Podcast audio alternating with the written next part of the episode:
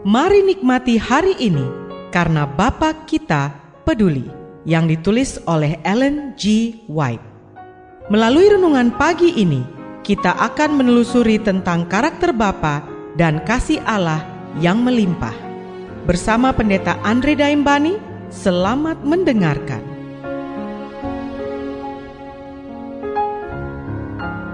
Shalom, selamat pagi saudaraku. Renungan pagi kita hari ini 17 Juli berjudul Suara di Padang Belantara.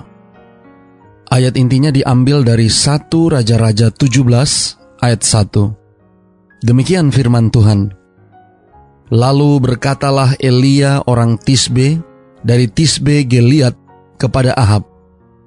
Demi Tuhan yang hidup Allah Israel yang kulayani, Sesungguhnya tidak akan ada embun atau hujan pada tahun-tahun ini, kecuali kalau ku katakan. Mari kita dengarkan penjelasannya. Di tengah pegunungan Gilead, sebelah timur Yordan, di zaman Ahab, tinggallah di sana seorang laki-laki yang beriman dan penuh doa yang melayani tanpa takut dan ditetapkan untuk menyaksikan penyebar luasan kemurtadan di Israel. Jauh terpencil dari kota yang dikenal dan tidak memiliki kemewahan hidup, Elia orang Tisbe menerima misinya dengan keyakinan pada maksud Allah untuk menyiapkan jalan di hadapannya dan memberikan padanya keberhasilan. Perkataan imam dan kuasa ada pada bibirnya dan seluruh hidupnya diabdikan untuk tugas pembaruan. Suaranya adalah suara tangisan di padang belantara untuk menegur dosa dan menahan gelombang kejahatan. Dan meskipun ia kembali kepada bangsanya sebagai penegur dosa, pekabarannya seperti balsam Gilead untuk jiwa-jiwa yang berpenyakit dosa bagi semua yang ingin disembuhkan. Kepada Elia dipercayakan suatu misi menyampaikan pesan putusan surga kepada Ahab. Ia tidak berusaha untuk menjadi utusan Tuhan, namun perkataan Tuhan datang kepadanya. Dan karena menghormati perkara Allah, maka ia tidak ragu menuruti perintah ilahi. Meskipun dengan menurut itu tampaknya mengundang kehancuran yang segera di tangan sang raja Lalim. Hanya dengan membiasakan iman kuat dalam kuasa perkataan Allah yang tidak pernah gagal, maka Elia mau menyampaikan pesan itu.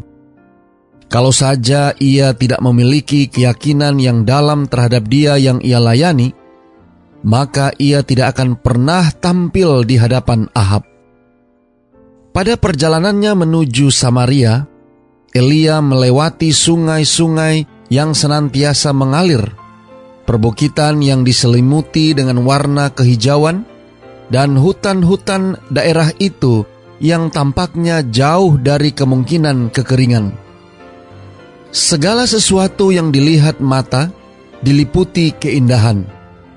Sang nabi mungkin bertanya-tanya, bagaimana sungai yang tidak pernah berhenti mengalir bisa menjadi kering? Atau bagaimana perbukitan dan lembah itu bisa hangus oleh kekeringan? Tetapi ia tidak memberi tempat bagi rasa tidak percaya. Saudara-saudara yang kekasih di dalam Tuhan, ia sepenuhnya percaya bahwa Allah akan menyadarkan Israel yang murtad. Dan melalui keputusan itu mereka akan dibawa menuju pertobatan Keputusan surga sudah dibuat. Perkataan Allah tidak akan gagal, dan dengan membahayakan hidupnya, Elia tanpa rasa takut memenuhi tugasnya. Doa kita hari ini, Bapa terima kasih. Melalui renungan pagi ini, kami boleh belajar tentang suara yang berseru di padang belantara. Terima kasih melalui renungan pagi ini kami boleh belajar dari pengalaman Nabi Elia yang menyampaikan pekabaran kepada bangsa Israel. Tolong kami hari ini Bapa, biarlah dengan pertolongan kuasa roh kudusmu, kami boleh belajar dari kehidupan Nabi Elia yang menyatakan keputusan sorga dan menyampaikannya kepada Ahab apa pun yang menjadi resikonya. Terima kasih Bapa. Inilah doa dan permohonan kami kepadamu. Di dalam nama Yesus kami berdoa. Amin.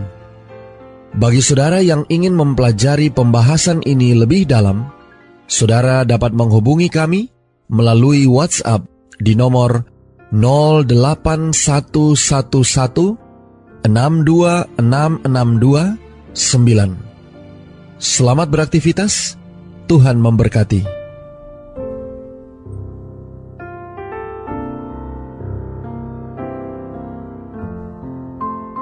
Demikianlah tadi pembahasan tentang Bapa Kita Peduli. Semoga firman Tuhan hari ini dapat menjadi berkat bagi Anda. Sampai jumpa, Tuhan memberkati.